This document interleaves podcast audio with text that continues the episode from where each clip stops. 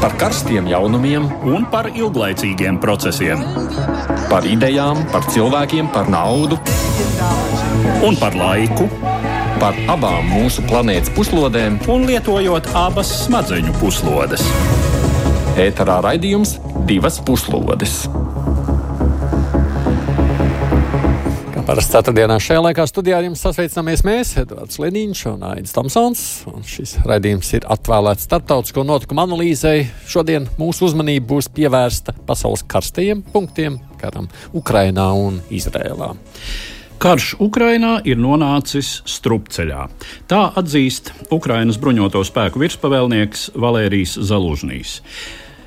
Ukrainas prezidents gan tam nepiekrīt. Tomēr jāatzīst, ka ļoti gaidītais pretuzbrukums šovasar nav vainagojies ar panākumiem. Lielais jautājums, kas būs tālāk?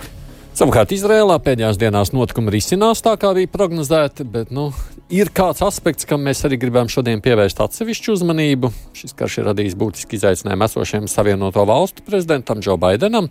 Nākamgad notiekošajās prezidenta vēlēšanās demokrātiem būs ļoti svarīgas gan ASV dzīvojušo ebreju, gan arābu balsis, bet nu, karš, kā zināms, šķeļ, nevis vieno. Nu, kopā ar mums studijā notikums komentēs politologs Ants Kudors. Sveiks! Sveiki! Toms Čiguls no portāla Delfi. Labdien! Labdien! Un mēs sākam šoreiz vispirms ar karu Ukrainā. Karš ir nonācis strupceļā. Tas ir galvenais secinājums, kuru pasaules presa izceļ Ukraiņas bruņoto spēku virspavēlnieka ģenerāļa Valērija Zalužņī intervijā, kur pirms nedēļas publicēja izdevums The Economist. Līdz ar interviju izdevums publicēs arī Zalužņī apcerējumu par pašreizējo kara situāciju. Stāvokli Ukraiņas frontēs ģenerālis salīdzina ar simts gadus senu pagātni, kad Pirmā pasaules kara laikā tā brīža militārās tehnikas attīstība deva nozīmīgas priekšrocības tai pusē, kura aizsargājās, kas savukārt noveda pie pie ilgstoša pozīciju kara. Ukraiņas spēki, dodoties ilgi gatavotajā un gaidītajā pretuzbrukumā, ir spējuši pavirzīt fronti tikai par kādiem 17 km. Savukārt Krievijas pusē vajadzēja daudzus mēnešus un milzu upurus, lai nostiprinātos vienā samērā nelielā pilsētā Bahmutā. Iemesls ir strauji attīstījušās attālināta vadāmu novērošanas un uzbrukuma līdzekļu tehnoloģijas, pirmkārt bezpilota lidaparāti jeb droni. Pretinieki ir viens otram teju kā uz dēlnes, un jebkuras uzbrukuma operācijas ātri pārtver pretējās puses artēriju. Tā nu šobrīd visai ticam šķiet ilgstoša pozīciju kara fāze, resursu izsmelšanas karš, kurā Krievijai ir acīm redzams priekšrocības, pirmām kārtām jau cilvēku resursu ziņā. Kā uzsver ģenerālis Zalužņīs, Krievijas sabiedrībā cilvēka dzīvībai ir gana maza vērtība, lai Kremlis varētu atļauties vēl daudzus sūtīt nāvē un šādā ilgstošā cīņā likt Ukrainai nosiņot. Kā zināms, Ukrainas sabiedrotās rietumvalstis līdz šim gausi un paskopi piegādājuši tai modernāko un jaudīgāko bruņojumu, kas spētu reāli nodrošināt lūzumu kara gaitā.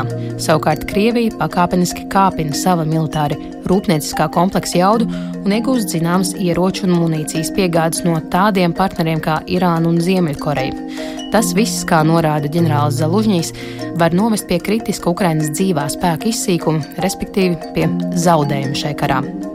Kā norāda novērotāji, šī publikācija acīm redzot bijusi nepatīkams pārsteigums prezidentam Volodimiram Zelenskim un viņa birojam.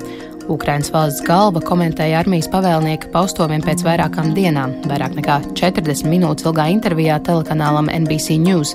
Prezidents uzstāja, ka kara gaitu nevarot raksturot kā iestrēgušu un vēlreiz apliecināja Ukraiņas nācijas gribu uzvarēt.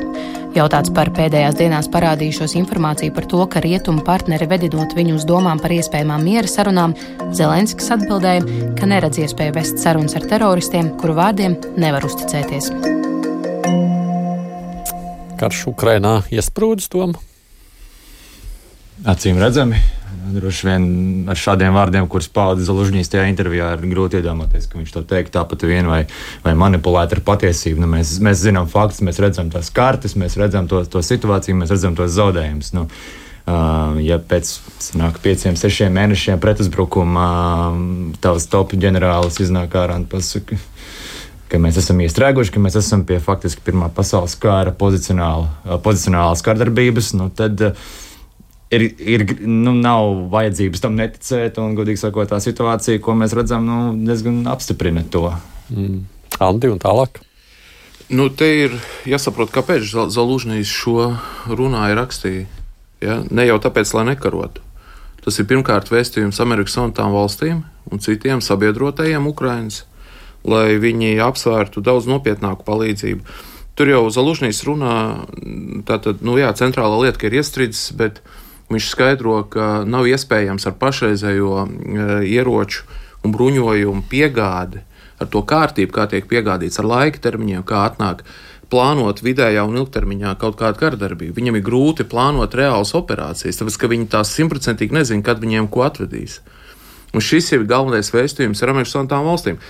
Tas, ka tur uh, prezidents varbūt tur tika pārsteigts par kaut ko. Es atļautos šaubīties par to. Jā, ir visādas versijas, izskan daudz kas, līdz pat sazvērstībām par apvērsumu un tagad par to spridzekli, kas bija uh, tam palīgam, kas zalužnī. Jā, nu, ir dažādas versijas uh, par. Par iekšējām spriedzi un kaut kādām intrigām un spēka sadali uh, un, un, un tam līdzīgi, kas notiek Ukraiņā iekšienē, bet es tomēr spriestu uh, sākt ar tādu vienkāršāko. Zalužņīs šo runāja, lai, jo, lai, lai amerikāņi aktīvāk palīdzētu, un kas vēl kopšlaik ar Amerikas iekšienē tiek apspriests, uh, kur ir republikāņu daļa, tā daļa, kura atbalsta Ukrainu. Viņi spriež līdzīgi, kas Ukraina ir izdevīgi. Proti, ka tas militāra kompleks, militārais ražošanas komplekss uh, ASV varētu sadarboties cieši ar Ukraiņiem.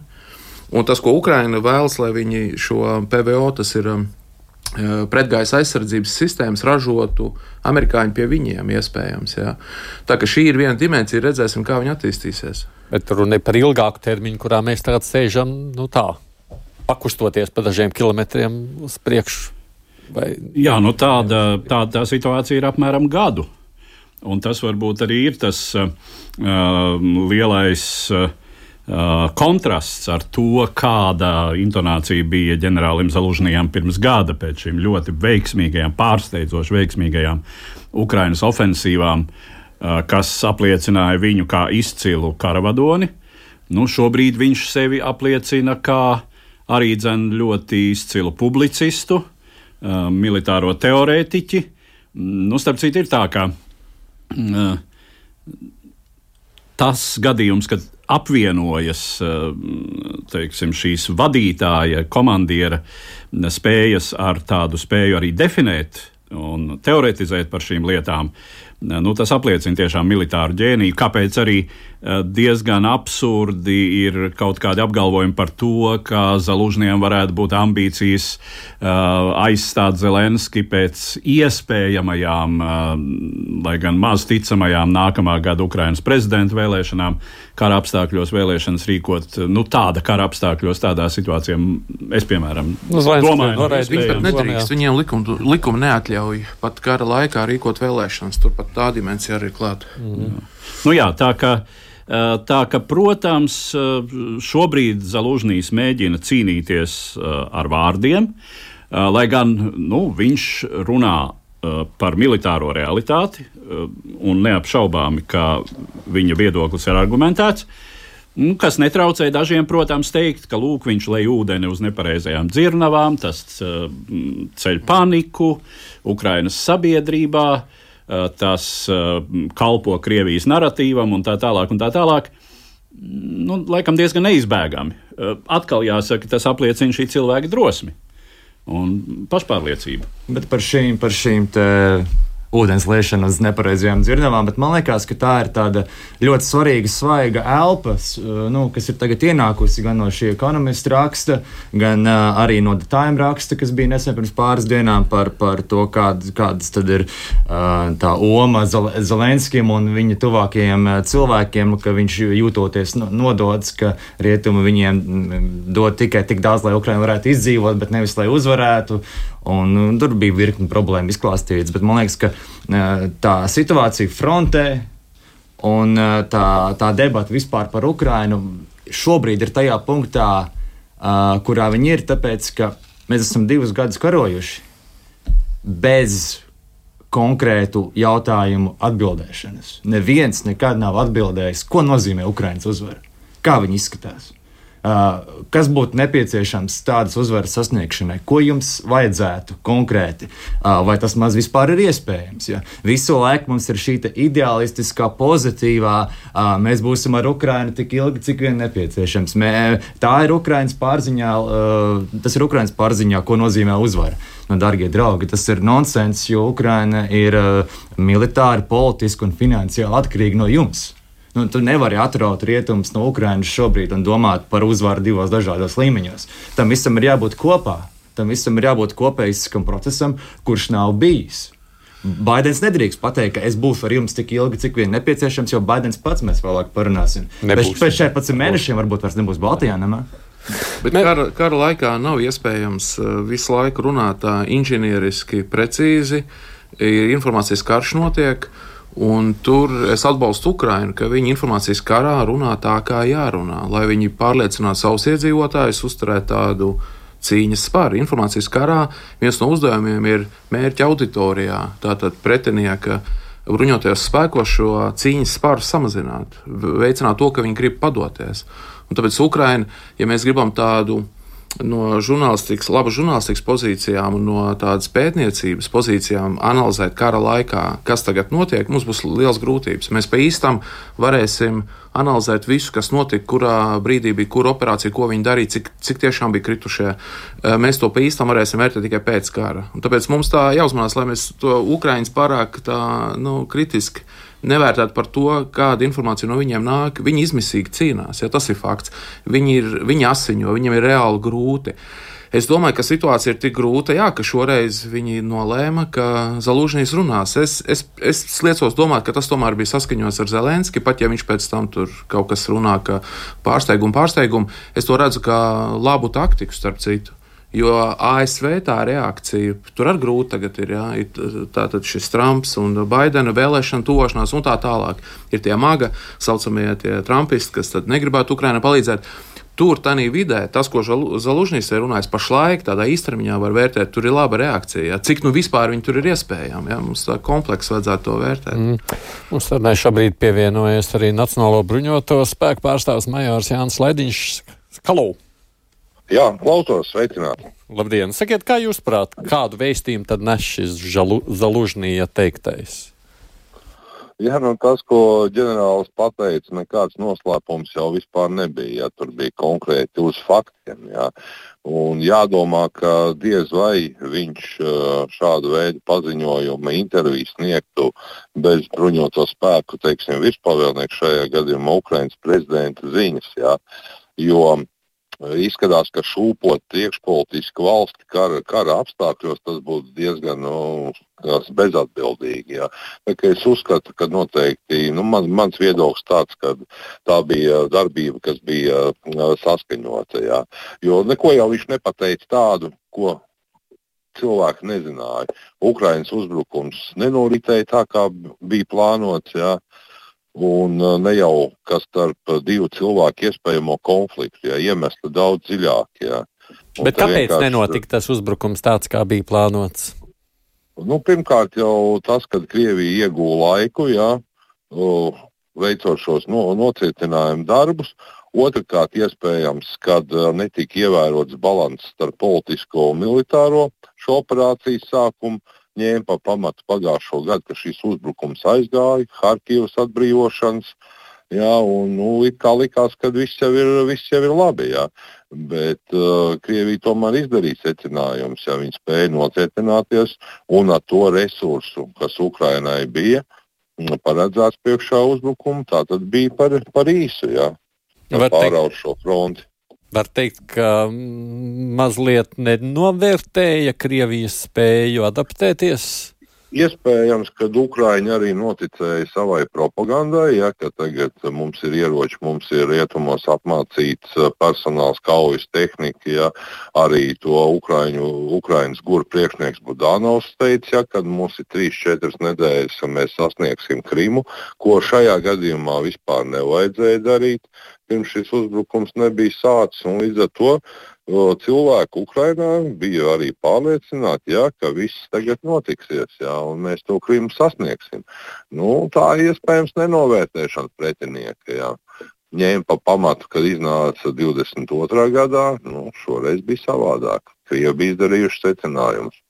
Palieciet, lūdzu, vēl pie klausulas, nenolieciet. Mēs vēl te turpināsim kādu brīdi paši tā runājot studijā.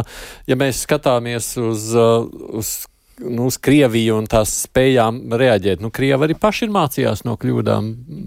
Ikvienā karā katra karojošā puse jau cenšas mācīties no kļūdām. Un, uh, Krievija, protams, darīja to, kas bija tās spēkos. Nu, tīri militāri tas aspekts, ka um, Krievijai izdevās pastāvīgi uzturēt spriedzi šai frontes austrumdaļā. Uh, Tā ir gan Bahmuta, gan citi uzbrukuma virzieni, un tur arī ir šī politiskā komponente, jo tiek atzīmēts, ka vienlaikus sagaidot nozīmīgus militāros panākumus dienvidos, kas nepārprotami ir svarīgākais virziens, tomēr valsts politiskā vadība arī nebija ar mieru atdot nu, praktiski ne kvadrātu pēdu, cik nu var noturēt arī šo austrumfronti kur varbūt no tīra militārā viedokļa varētu pat atļauties kādus uh, nelielus, uh, teiksim, ne, nelielas teritorijas atdošanu, nolūkā koncentrēt visus dienvidiem. Bet nu, tā ir viena no versijām, protams.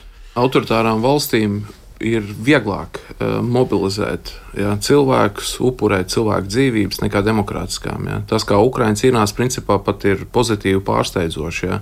Pretī autoritārai varai, kura Putina laikā Staļina pieeju ir rehabilitējusi. Ne tādā simtprocentīgā nozīmē, bet diezgan lielā mērā.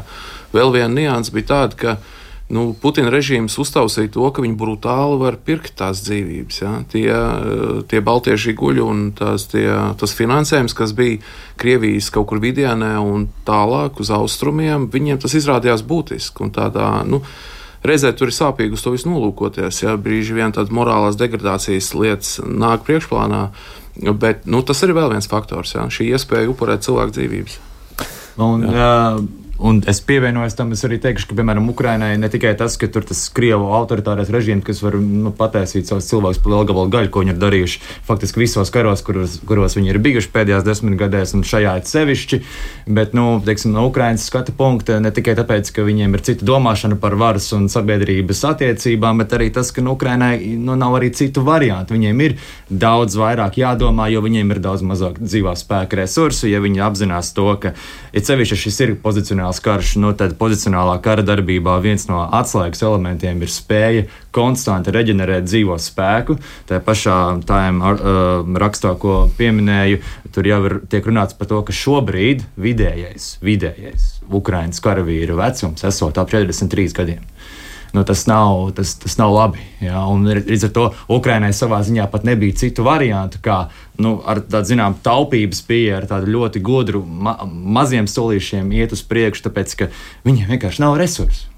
Viņiem nav resursu. Nu, šajā izdzīvošanas jau uh, ilgs, ilgstošā karā.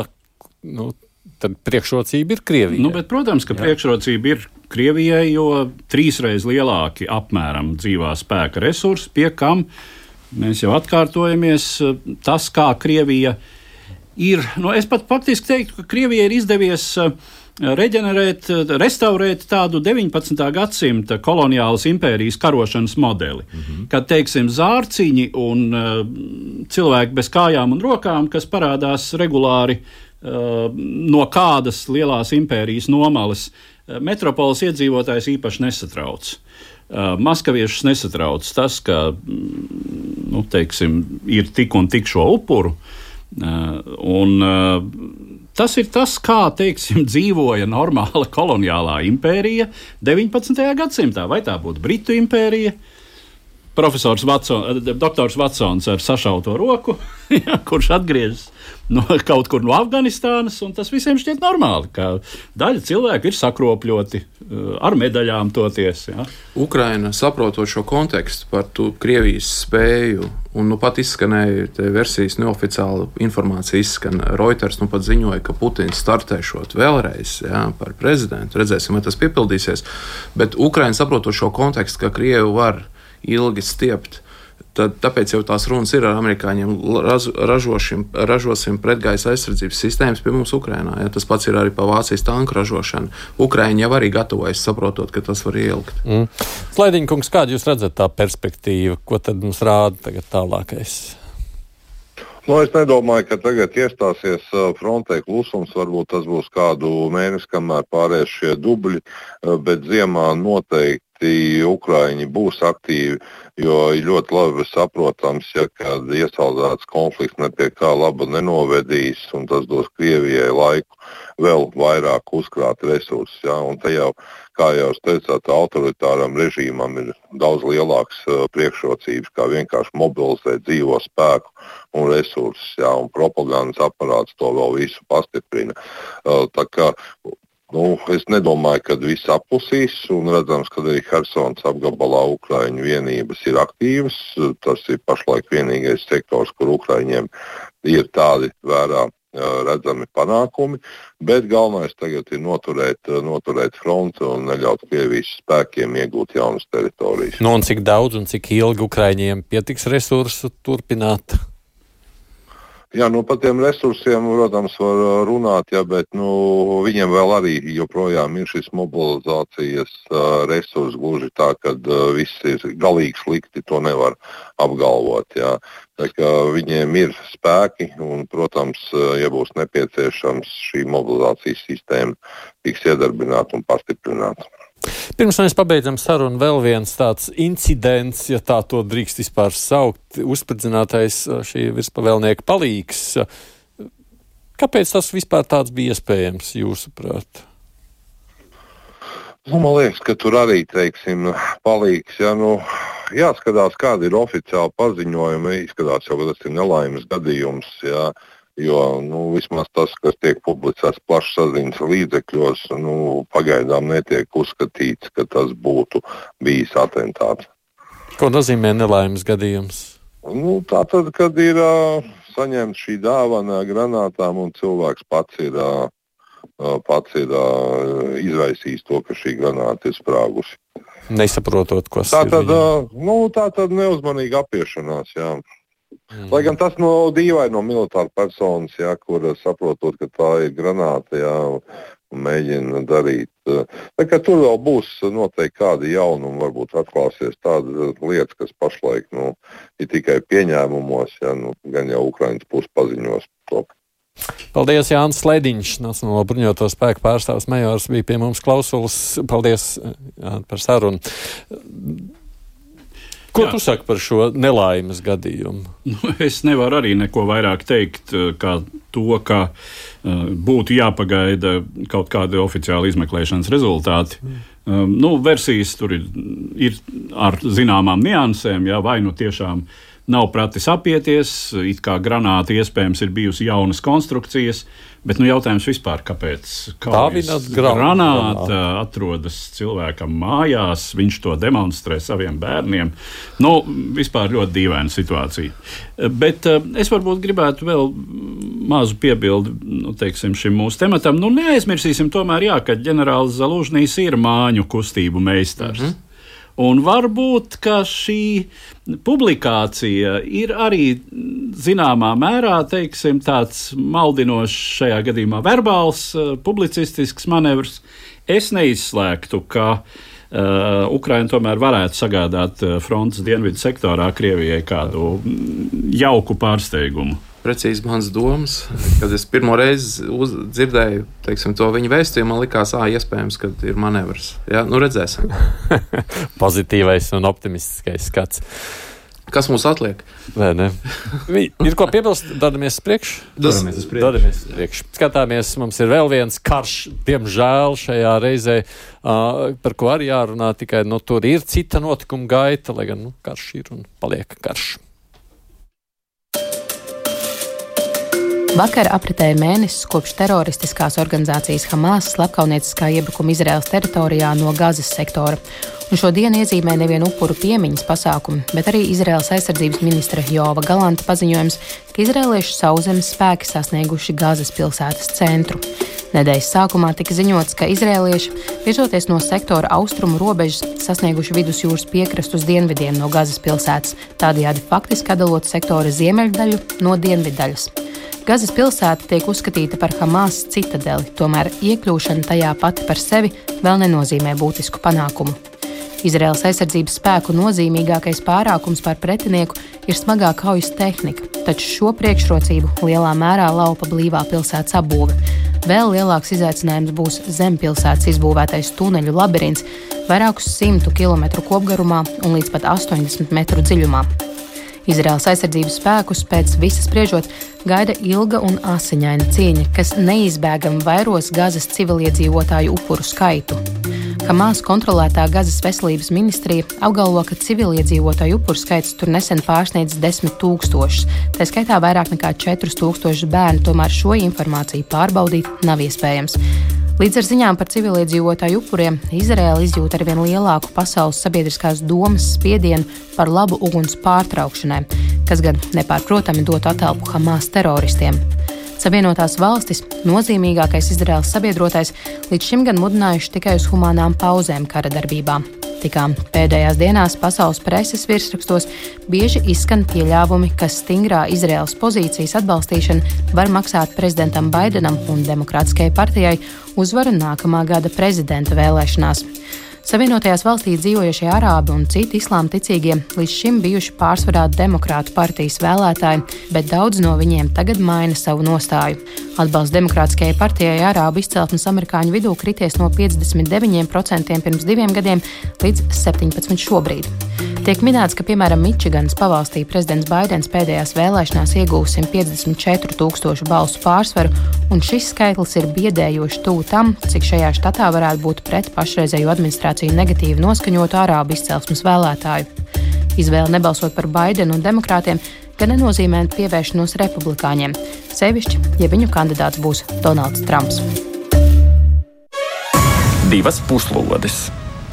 Atgādina, bez mums Redorda studijā notikums komentē arī portāla Delfa žurnālists Toms Gigols un politologs Ants Kudors. Eh, sāksim vispirms par to pašu karagaitu. Ko nozīmē šis te sacītais? Tā tad notiek šobrīd kaujas Gāzes pilsētas dzīvēs, apmēram tā to varētu. Nu, tas, ka viņi ir sasnieguši pašu pilsētu, pēd, pirmās nedēļas, pēdējās dienas, viņi ir uh, pamazām tuvojušies pilsētai, tajos rajonos, nu, tajās saucamās piepilsētās. Tagad jau viņi ir tajā pašā mm, Gāzes citī, saucamā Gāzes pilsētā. Nu, tas nozīmē to, ka šobrīd tātad sākās uh, priekš Izraels pats grūtākais kara posms. Mm. Tas ir posms, kas prasīs visvairāk pūļu Tas ir posms, kas prasīs visvairāk upuru. Un tas ir posms, kas prasīs uh, pietiekami ilgu laiku, kā atzīst arī viņi paši. Nu, iet cauri tiem gazas rajoniem, tiem ne tikai dziļ, nu, blīvajām apbūvēm, bet arī tas, ka tur ir pilns ar grubešiem. Tagad ir vairākas ielas, vispār ir jātīra pa priekšu, lai tu vispār pa viņām varētu pavirzīties. Ja. Nu, tas, uh, nu, tā situācija tur būs priekš, priekš uzbrukošās armijas. Uh, ir nu, nu, sliktāk nevar būt. Bet, ja ir viena armija pasaulē, kas ar to var tikt galā, tā ir Izraela, jo viņiem ir liela pieredze šādos apstākļos garot. Mm. Ir tā, ka tieši Gazas pilsēta, tur, kur tie svarīgākie mērķi ir militārie.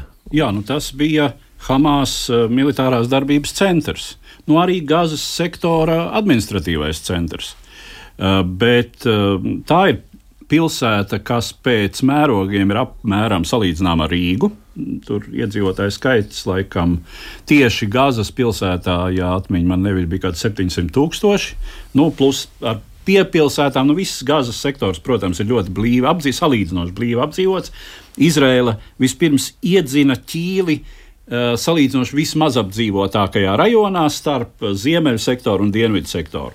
Nu, pēc tam notika Gazas uh, pilsētas ielēkšana, tagad jā, viņi tā tad ir iekšā. Uh, un uh, taisnību sakot, Kaujas pilsētā vispār zināms fakts, jebkuram militāram komandierim tas ir vairāk vai mazāk murgs. Jo viss tas, kas ir skaistajos pagājušo gadsimtu traktātos sarakstīts par taktika un stratēģiju lielākoties pilsētas kaujas apstākļos nedarbojas. Um, ir uh, viena, viena nu, mēs elementāri katrs to varam saprast. Viena lieta ir Hamas kaujinieks ar tanku dūri uh, klāja lauka vidū, Tuksnesī. Um, un otrs ir pilsētā, kur uh, viņš var izlīst no jebkuras kanalizācijas lūks, vēl jo vairāk. Nu, ja runā, ka tur ir šie tuneļu tuneļi, vesela pilsēta zem pilsētas, kas tieši tā arī ir būvēta. Bija zīmīga epizode mm, vienā intervējot vienu no Hamas līderiem. Viņam tika jautāts, kāpēc jūs uh, neļaujat saviem civiliedzīvotājiem izmantot šos tuneļus kā patvērtnes Izraels uzlidojuma gadījumā. Viņš mierīgi atbildēja, ka uh, tas ir domāts citiem mērķiem. Tas ir domāts mūsu kaujas vajadzībām. Tā ir militāri taktiska būve. Un par civiliedzīvotājiem, lai domā apvienotās nācijas. mm. Tas nozīmē, ka mums būs arī pazemes kaujas. Tā? Uh, Izraela saka, ka tā centīsies maksimāli izvairīties, jo ja virszemē tie uh, taktiskie nosacījumi ir abām pusēm varbūt līdzvērtīgi, tad pazemē Izrēla jau ir uh, militāri uh, neizdevīgāka. Tur priekšrocības ir tiem, kas šos tuneļus ir būvējuši, no jā. projektējuši un tā tālāk. Tā tuneļu prakse, protams, ir uh, parasti tiek īstenot tur taktika, kur nav labas pretgaisa aizsardzības, un tur, kur pretiniekam ir spēcīga aviācija, un tas ir tieši Palestīnas gadījums un Izraels gadījums. Vietnamā tie rulēja pa tuneļiem pret amerikāņiem, jā, jo tiem bija aviācijas pārsvars. Un uh, 2014. gadā Izraela īstenoja operāciju. Tur ir divi veidi tuneļi, esot, kā viņi vērtē. Tad viena ir tā saucamā aizsardzības tuneļi, tie būs zem gazas pilsētas, jo sevišķi daudz. Kopējais kilometru rāža esot 500 km vispār tiem tuneļiem.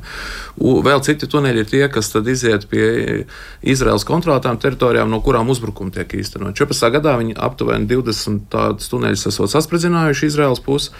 Izraela arī ir, ir, protams, viņiem ir tehnika un iespējas, viņi var spridzināt.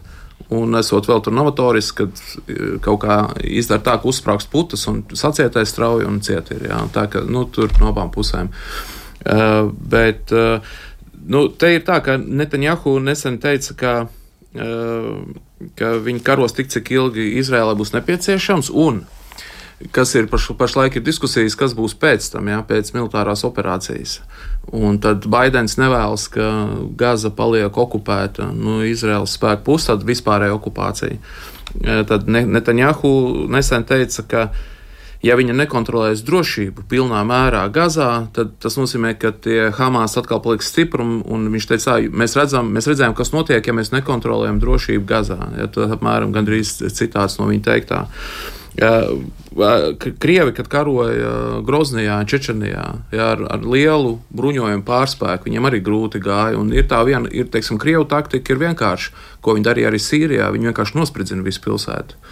Nu, Izrēlieši to nedarīs, tas ir skaidrs. Jā. Nu, viņi mēģinās maksimāli sevišķi tāpēc, ka visi ar lupu tagad skatās no rietumiem, kas tur notiek. Viņi, protams, mēģinās cik vien maz gan uzspridzināt tās ēkas, bet, nu, Es domāju, te, neatceros, kurš tas bija no Ņujorkas mēriem, nevis Giuliani, bet tas otrs laikam. Viņam, kad, eh, par ko kritizē Izraela, ka tagad, kad tik nebūtu nesimetriska atbilde, viņš teica, tad, kad jums laužās kāds eh, noziedznieks pie durvīm, jūs ko gaidat, ka policija tagad simetriski viņu ķers vai vienkārši lietos visus pieejamos spēkus, lai apstādinātu noziedznieku? Man patīk viņa salīdzinājums. Jā. Ir jau viegli runāt par to simetriju, bet viņi ir grūti īstenot, jā, tad, kad ir jānoķer tie, kur slēpjas aiz civiliedzīvotājiem. Jā, bet... Nu, te ir, te ir runājot par premjeru Netanjahu izteikumu. Tā tad viena lieta uh, ir tīra okupācijas režīma ieviešana. Tas nozīmē, ka okupācijas armija ko, uh, kontrolē faktiski visu dzīves procesu šajā okupētajā teritorijā. Nu, tas ir tā, kā teiksim, kāda bija piemēram nacistiskās Vācijas vara Latvijas teritorijā Otrā pasaules kara laikā. Faktiski visu izņemot kaut kādas marginālas, tur, nezinu, kultūras, izglītības aktivitātes, kontrolē okupācijas armija. Šajā gadījumā tas, ko saka Izraela, nu, acīm redzot, tik ilgi, cik tas būs nepieciešams, lai nodrošinātu, ka Hamas atkal nepaceļ galvu, Izraela kontrolēs šeit drošības situāciju. Tātad Izraēlas bruņoto spēku klātbūtne tur saglabāsies nu, visdrīzāk diezgan ilgi. Par to tik savukārt, ilgi. Jā, jā, sap... savukārt es domāju, Izraela pēc iespējas ātri meklēs kādu risinājumu, kā šo vispārējo teritorijas administrēšanu. Tomēr, nu, respektīvi, to Izraela. Um, ja paturēs savās rokās, tad salīdzinoši ļoti īsts brīdis, domāju. Nu, to, tik, cik ilgi nepieciešams, tas jautājums, cik ir nepieciešams. Man liekas, arī pats Izraels, laikam, eksprezidents bija atzinies, ka nu, tur tā ar to, cik nepieciešams ilgstoši, varbūt arvien grūtāk, tāpēc, ka tas starptautiskais spiediens. Nu, Izrēlē, kā es to redzu, šobrīd ir divas frontes. Viena ir pret Hamas, un otra ir pret šo starptautisko spiedienu, kas, diemžēl, arī ir redzams no vairākām rietumu valstīm, kuras nu, tomēr rietumvalstu valdībām vai atsevišķiem segmentiem rietumvalstu valdībās, kuras acīm redzam nesaprot, ar ko mums ir darīšana, ka mums ir darīšana ar pilnīgi nu, vaiprātīgu teroristu organizāciju, kas tajā 7. oktobrī, ja viņiem būtu bijusi iespēja, viņi būtu nogalinājuši pilnīgi visus Izraels iedzīvotājus, ja viņiem būtu tāda opcija iedot. Ja, tā tas, tas par to, par to samērīgumu un, un, un tādām lietām, ja tur, nu, tur vienkārši nevar būt eh, cits izējas kā totāla un, un, un, un totāls un tāds nu, eh, bez bezieru un mēģinājums uh, nu, iznīcināt Hamas. Uh, un, un, bet, bet tas ir grūti un, un tik ilgi, cik nepieciešams. Neviens jau pat īsti nezina, uh, cik, nu, cik ilgi. To, cik ilgi Gazas pilsēta turē, turēsies. Mēs runājam par šīm, nu, tiešām tas ir murgs no militārā skatu punkta, jo uh, nav jau tā, ka tie Hamas kaujinieki ir uh, uniformās un viegli atpazīstamā. Tas ir kaujinieks, bet, bet šis nav. Ja? Tu jau nekad nevienā brīdī nezini, uh, pret ko tu patiesībā karo. Tur var, tur var būt situācija tik tiešām, kur ir pusauģis zēns. Pat bērns, faktiski. Tas ir tas, kas notika Mosulā 16. gadā, kad pret Dāļu bija pēdējā kauja. Tur konstanti tika izmantoti šķietami ārēji nevainīgi cilvēki, kas kļuva par, par, par Dāļu aktīviem. Ir pilnīgi skaidrs, ka Gazā būs tieši tas pats. Mm. Vienkārši es domāju, cik ilgi Krie, uh, Izraela var karot divās šādā veidā frontēs, tas arī bezgalīgi jau neizdosies. Tas, ka tu tā pieminēji Krieviju netīšām, tas jau nav mazsvarīgi, vai ne? ne Izraela, nu, te, protams, sašaubījās daži par to, ka cik tad viņi ir jaudīgi, ja jau nogulēja šo iebrukumu, tur, protams, jautājumi paliek. Bet tomēr ir jāsaprot, ka Izraels militārā jauda un sevišķi prasmes ir ļoti augstas. Vēl viens faktors ir, viņiem ir tāds miesasargs, kāds reti, kurai valstī ir ar tik lielu gatavību aizstāvēt tās Amerikas Savienotās valsts. Jā. Un tur atšķir, republikāņu starpā, atšķirībā no jautājuma par Ukrajinu, ir liela vienprātība, ka palīdzēs obligāti Izrēlē, cik vien varēs. Nu, pat noskatījos Trumpa priekšvēlēšanu uh, runu par šo tēmu. Nu, Viņš tur ļoti, ļoti spilgti runāja, ka nevis simtprocentīgi palīdzēs Izrēlē, bet simtdesmitprocentīgi. Tur bija tāds um, ebreju, Amerikas ebreju kaut kāds republikāņu pasākums. Viņš ļoti, ļoti spilgti pasvītroja. Viņš runāja spilgtāk nekā Baidens jā, par šo, jo tā viņa nostāja tiešām ir tāda, viņa vēlētājs to atbalsta. Tev, viņš ir ērtā pozīcijā, lūk, atšķirībā no Baidena. Viņa, viņš arī saprot savu vēlētāju. Jā.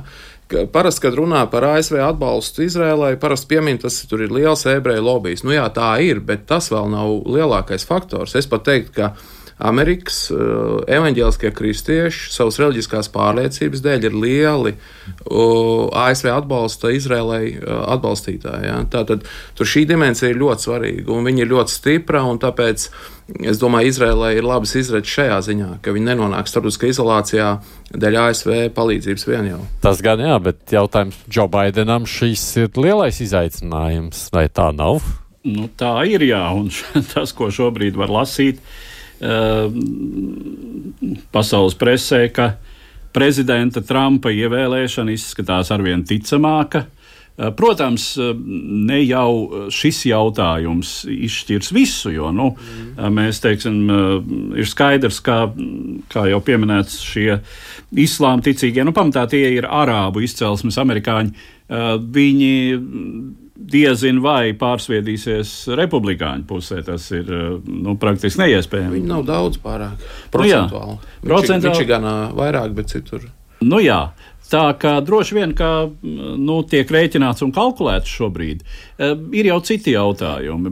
Bet nu, vispārējais šis Trumpa fenomens uh, ir, uh, ir uh, nu, teiksim, vieniem lielu bažu, otriem lielu cerību. Cerību iemesls, domājot par amerikāņu politisko, amerikāņu politisko nākotni. Nu jā, kā jau Andris teica, Izrēlai nākamo vēlēšanu sakarā nav īpaši par ko uztraukties. Atšķirībā no Ukrainai gan. Jā. Bet, ja skatāmies tagad uz, iz, uz Izraēlu un Amerikas Savienotajām valstīm, ebreju atbalsts pilnībā ir Trumpam? Tas ir kur, kuru ebreju, ja? ir augstskolu, augstskolai pasniedzēji, augstskolu pasniedzēji profesori, profesori, daudz ir kreisi noskaņoti, eh, kreisi noskaņotie kā Amerikā, jo, bet jo sevišķi Eiropā pārsvarā, ne, es nerunāju tagad absolūti, bet pārsvarā ir tendence atbalsta Palestīnu.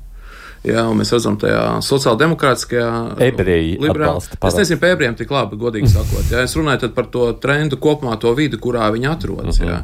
Ņujorka arī, piemēram, tur ir daudz ebreju, un Ņujorka vēlē par demokrātiem un viņi ir diezgan liberāli, un Ņujorka vispār atšķiras no daudz kā citu, kas ir Amerikā. Tur grūti būs savilkt. Tur, tur Baidenam iet grūti pašlaik, jā, ir viena no aptaujām tik uzdots, un viņam arvien vairāk sāk runāt par to, par ko eģisms tad runā, bet pat mēs paņemt no to eģisms kā sliktu lietu, jā, bet objektīvi. Vienkārši vēlētāji daļa jauniešu sāk novērsties no Baidena. Tā ir tagad pēdējā statistika pie, se, no sešiem tiem štatiem, kuros parasti ir sīva cīņa, ja tie saucamie swing states, kas var uz vienu pusi eh, pāriet vai uz otru, atbalstā demokrātiem un republikāņiem, piecas. Pēdējā aptaujā, kas nu pats svaigi ir nostājās Trumpa pusē, teiksim, mm. nevis nostājās Trumpa pusē, bet eh, vēlāk. Trumpam ir pārsvars. Par Trumpam ir pārsvars. Ja, teiksim, ja viņam ir kaut kāds 48%, eh, tad, tad Baidenam kā 43% aptuveni. Ja, un, nu, aptaujā ar jautājumu, vai Baidens ir par vecu tagad prezidenta amatam. 71% nu pat vienā no aptaujām teica, ka jā, par Trumpu uz to pašu jautājumu. Viņš ir trīs gadus jaunāks tikai. Bet nu, tātad katram ir savs dieva dāvans. Jā. Par Trumpu atbildēja, ka viņš ir vecu 39% tikai. Jā. Tātad par Baidenu 71%. Un pat republikā, pat demokrātu starpā sākās jau šaubīšanās, vai tomēr joprojām viņi kopā saka, nu, Baidens, Baidens, mm. bet sāk jau izskanēt šaubas, vai tomēr Baidens būs labākais variants. Te ir divas, man liekas, svarīgas lietas, kas jāpiemina. Pirmkārt, par to nu, atbalsts krītās Baidenam, cits starp arī Izraēlas uh, Hamas kara dēļ. Um, bet tas nenozīmē, ka tie cilvēki aiziet obligāti pat Trumpu nobalsot, kas ir vīlušies Baidena pozīcijā. Uh, Uh, jā, bet kas notika ar Hillary pirms septiņiem gadiem? Kāpēc viņa zaudēja? Nu, tur bija miljons iemeslu, kāpēc viņa zaudēja. Viens no tiem ir, ka uh, demokrātu vēlētāju bāze, to starp tumšādainie vēlētāji, latīņu amerikāņu izcelsmes vēlētāji vienkārši uz vēlēšanām neaizgāja. Viņiem bija reti zems vēlēšana ap, apmeklējuma procents. Viņi vienkārši neaizgāja. Un ar to pietika atsevišķos štatos, atsevišķās situācijās. Tur Trumps vienkārši iegūst tā, ka par Hillary neatnāca neviens nobalsot. Um, tā būtu. Uh, tā būtu tā pirmā lieta. Un, eh, un tā otra, jā, man, man šķiet, ka mums nevajadzētu obligāti nu, a priori pieņemt, ka Baidens tiešām būs. Uh, Demokrātiskās partijas kandidāts. Ļoti interesanti šomēnes divu lielu štatu gubernatori, Gavins Newsams no Kalifornijas, Rons DeSantis no Floridas. Viņiem būs publiska debata Fox News. Nu, tā ir interesanti, kāpēc pēkšņi tik prominentam demokrātiskās partijas pārstāvim vajag publisku debatu ar citu prominentu republikāniskās partijas nu, prezidenta amata kandidātu, ar citu otrā vietā šobrīd pēc, pēc aptaujām. Nu, tas tā, tas tikai tā. Un tā, tā otra lieta, pirms pāris dienām Davids Akselrods, kurš bija viens no nu, faktiski smadzenes Baraka Obamas abām divām kampaņām, uz, uzvaru nesošajām, ir tā tīri nevainīgi ierakstīja Twitterī. Uh, Nu, vai tiešām nevajadzētu Baidenam padomāt, vai, vēl, vai kandidēšana tik tiešām ir viņa vai valsts interesēs? Nu, un te ir diezgan acīm redzami, ka, ka viņš. Um, Ka, ka, ka, ka Baidens nu, viņam nav, viņam nav tā, tā pilnā uzticība. Un, un, ja tu esi gada pirms vēlēšanām, uh, tādā, tādā situācijā, kur tev ir reti zemi popularitātes reitingi, tad zaudē pilnīgi visos. Uh, nu, ne, vis, ne pilnīgi visos, bet ļoti lielā daļā izšķirošo štatu. Un pats, pats svarīgāk par tiem reitingiem, ka ir tie vēlētāji, kā tikko minēja, viņi pasaka, Baidens ir pārāk uh, vecs. Uh, ja, ja Trumps būtu prezidents, man finansiāli šobrīd būtu labāk. Viņi konkrēti runā par savu uztveri un par savu ikdienas dzīvi. Viņi saka, Baidens nav mums atbilde, Trumps drīzāk būtu. Un, un tā ir, man liekas, tā, tā, problēma. Runājot par tādām vispārējām nu, varas psiholoģijas lietām, eh, tad, protams, eh, sarežģītā, tādā izaicinājumiem bagātā situācijā, nu, kas ir teiksim, šajā gadījumā nestabilā starptautiskā situācija, nu, tā ir ļoti veca lieta sabiedrībai. Ir vēlēšanās identificēties ar varas centrālo tēlu. Tā vēlēšanās ir jūtamāka nekā labos, mierīgos laikos. Nu, saprotams, ka teiksim, pavecs vīrs, maigi izsakoties valsts priekšgalā, ar tomēr pamanāmām vecuma posma iezīmēm, jā, var teikt, savam vecumam ļoti labi turas, bet. Bet, ja, nu, protams, var teikt, ka Savienoto Valstu vēsture mums uzrāda šī uh, principa zināmā mērā antitēzi. Franklins Delano Roosevelts, kurš vadīja Savienotās valstis Otrajā pasaules karā, sēdēdams invalīdu krēslā, būdams uh, paralizēts, nestaigājošs invalīds. Nu, tajā pašā laikā televīzijas tad nebija. nebija jā, jā, nebija. Tas viens no faktoriem. Ir ko par viņu min, kāpēc tad varēja un tagad būtu grūti. Nu, jā, jā. Taisni, arī taisnība. Ne jau, ka mēs domājam, nu, ka varbūt... cilvēks krātniekās nevarētu kaut ko izdarīt, bet nu, ir, ir tie subjektīvie faktori. Viņš tikpat labi var būt labs, par to mēs taču vispār, tas būtu ļoti nu, bīstami, ja mēs teiktu, ka viņš ir radio, radio toreiz dominēja pār televīziju, nu, cilvēki klausījās balsi cilvēki klausījās runu, decentu. Kenedijam savukārt bija labi, ka bija televīzija, un viņš atkal varēja būt labāks jā. televīzijā. Jā. Soc, jā.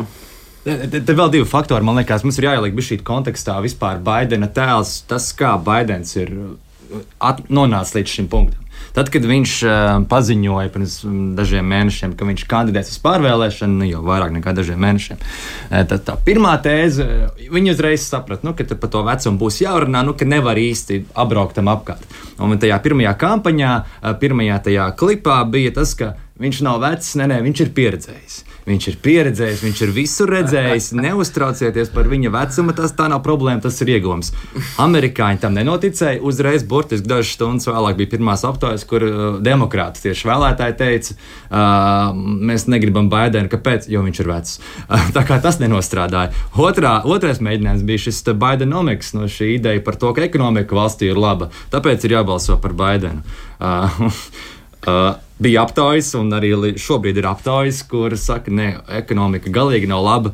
Mēs absolūti neusticamies Baidenam kā efektīvam uh, ekonomikas pārvaldītājam, un, ja Trumps būtu, mums klātos labāk, kā jau es teicu. Tā, tā otrā, otrais stūrakmenis, ko viņi centās balstīt, arī nenostrādāja. Un tagad tā Izraela ir vienkārši vēl viena problēma, vairāku problēmu virknē. Bet kas tad ir darāms, vai kas tad var notikt, lai demokrātiem Baidens atkāptos pats vai mainītu citu Jā, tas, kandidātu? Ko viņi tur gala beigās izvirzīs. Uh, Tur man patīk, Amerikā statistika ir tā socioloģija rūlē. Ja? Viņi, viņi tā paspēja tādas aptaujas salasīt, ja? tur Eiropa, es domāju, līdzi netiek. Ja? Un tur Uh, aptaujāja demokrātu vēlētājus. Tie, kas ir tur tagad vēlēs, piemēram, par demokrātu kandidātu, viņiem uzdeva jautājumu, kā jūs jūtaties par tādu emocionālo nostāju, par to, ka Baidens tagad divkaujā ar Trumpu būs TV debatēs. 74% atbildēja uztraucamie, mēs esam uztraukti. Uh, pārliecināt, tur ir tas excited angļu vārds, ja tādi emocionāli pozitīvi noskaņoti, uzbudināti pozitīvi, ir 23% tikai. Ja. Te jau nav runa par eģismu, ja par to, cik gadi ir. Nu, protams, viņam būs 86 gadi, ja viņi ievēlēs tagad Baidenu vēlreiz. Tagad noslēgumā. Tagad viņam 81, bet tātad, ja saskaitu noslēgumā, runa jau nav par tiem gadiem. Runa ir par to, kā cilvēki jūtās. Nu, tas cilvēks, cik viņš ir darbspējīgs, ja, cik viņš ir enerģisks. Drīzāk jau to vērtē, nevis tos skaitļus. Tāpēc skatās uz Trumpu šķiet, ka viņā kūsā vai ne, kamēr Baidenam tur balsts patrīc un rokas. Demokrātu rezerves soliņu neesmu tik daudz pētījis. Es vairāk esmu skatījies, kas republikāņiem tur ir 2, 3, 4. Ja, teiksim, tur, tur ir interesanti, jo tur ir tādi republikāņi, kas man vairāk patīk, jo tie teiksim, ir par Ukrajinu. Tad, ja viņi reizē konservatīvie, viņi atbalsta tās vērtības, kas man ir tīkamas, bet viņi ir par Ukrajinu. Tur ir Maiks Pence, piemēram, ir tāds. Ja. Uh, Nika Helija ir tāda, ja viņa bija Trumpa laikā ASV pārstāvā no oficiālā. Ir cilvēki, kas labi saprot ārpolitiku, viņi saprot, ka viņi ne, nerulē to Trumpistu, to, to tādu mantru, ka, lūk, Krievija tiek aizstumta Ķīnas virzienā, bet viņi saka, saprotiet, ja mēs ļausim Krievijai uzvarēt Ukrainā, tad Ķīna uzbruks Taivānai un atkal ASV būs iesaistīta. Ja? Tad šo runā tie konvencionālie republikāņi. Bet no. ko darīs demokrāti, es nezinu. Katrā ziņā, protams, ka Ukrainai šis, šis ir moments, jā, izaicinošs. Mums producenti pielabo, ka pensija esot izstājies, bet par demokrātiem. Jā, nu, demokrāt, demokrātiem ir, ir tas, ka Kris Kristīs, starp citu, vēl viens Ukraina atbalstošs republikānis. Ir, ir, ir. Jā, daži ir.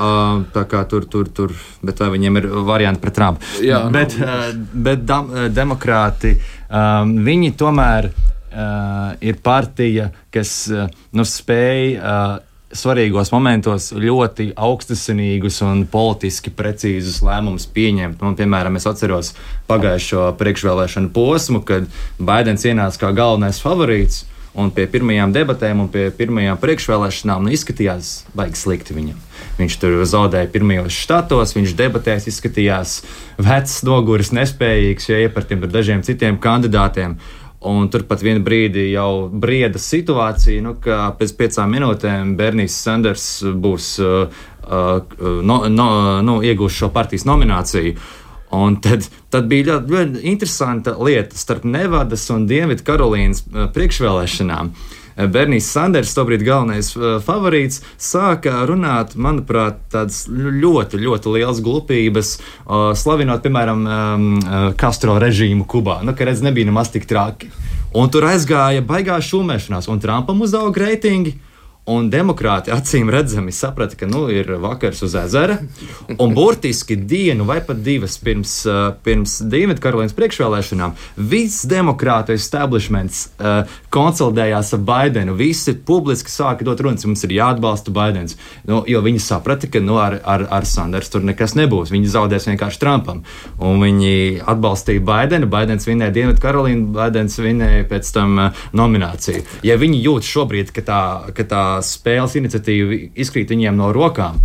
Gavins Ņūsams ir nu, viens no pirmajiem, uz ko skaties. Bet tas nozīmē, ka arī Baidenam pašam būtu jābūt gatavam es domāju, ka viņam pateikt. Es domāju, ka viņš var. Viņš viņam, saprastu. Es domāju, ka viņam pateikt, iz, izteikt piedāvājumu, no kur nevar atteikties. Jā, viņam izteikt piedāvājumu, no kur viņš nevar atteikties. Uh mhm. -huh. Nu, kad mums ir uh, demokrātiem šis galvārds jādod, kurš. Nu, jo ātrāk, jo labāk, jo tagad tas. Ne, bet kad viņiem ir tas. Uh, Izvirzīšana, uh, nākamā gada sākumā viss nākamā gada sākums. Jā, nu, tad, tad, bet, nu, teiksim tā, nu, ja kāds ielēc iekšā tur, nu, no, no malas, nu, tad, tam, uh, tad viņš nevar gaidīt līdz nākamā gada martam, kad jau ir pirmie priekšvēlēšana štāti bijuši. Nu, viņiem tā nominācija, jo tur ir, nu, tur ir noteikumi, kā tas notiek. Tev jāiegūst tās delegātu balsis. Tu nevari vienkārši no malas pateikt, es tagad būšu prezidents vai kandidāts.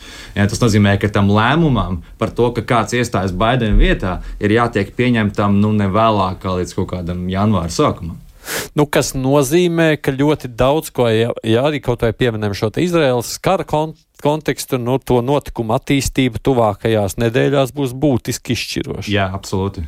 Jā. Jā, mēs varam tikai vēlēties Izraēlas armijas maksimāli labus panākumus, jo, jo ātrāk Izraēlas armija gūs izšķirošus panākumus Gazas sektorā, jo ātrāk samazināsies arī civiliedzīvotāju upuri. Tur. Tas taču arī mm. ir elementāri skaidrs. Nu, Izraēlas armija nesāks slepkavot atriebības veidā civiliedzīvotājs, par to mēs varam būt pilnīgi droši. Trumpam nāks par labu, ja kaut kas neris, ilgi nerisinās Izrēlā. Jo viņš tur teikt, redziet, Baidens atkal netiek galā. Viņš Afganistānā netiek galā, te viņš netiek galā es kā iešu tā atrisināšu. Tur nu, tas ir 24 stundu laikā.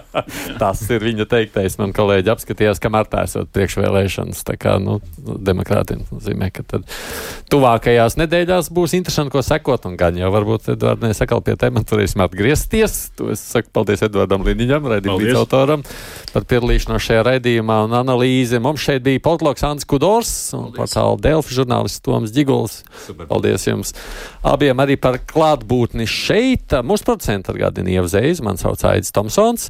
Nu, es izmantoju iespēju, tā kā man ir pusminūte šobrīd atgādināt, ka, ja jūs neklausāties vien tiešraidē, un šīs nu, neapšaubām ir raidījums, kurā var sekot arī pāris dienas pēc tam analīzes, klausoties, izmantojot iespēju, tad, kad jums ir ērti. Protams, ir gan raidierakstu iespējas, gan abonēšana varat mūs. Tas nozīmē, ka vienmēr raidījums būs jums pieejams, gan arī, protams, aplikācijā skatieties. Nu, un internetā mājaslapā programma arhīvs vienmēr ir pieejams. Tad izmantojiet arī to. Man sauc Aits Tomsons. Tiekamies atkal nākamajā nedēļā. Visu labu!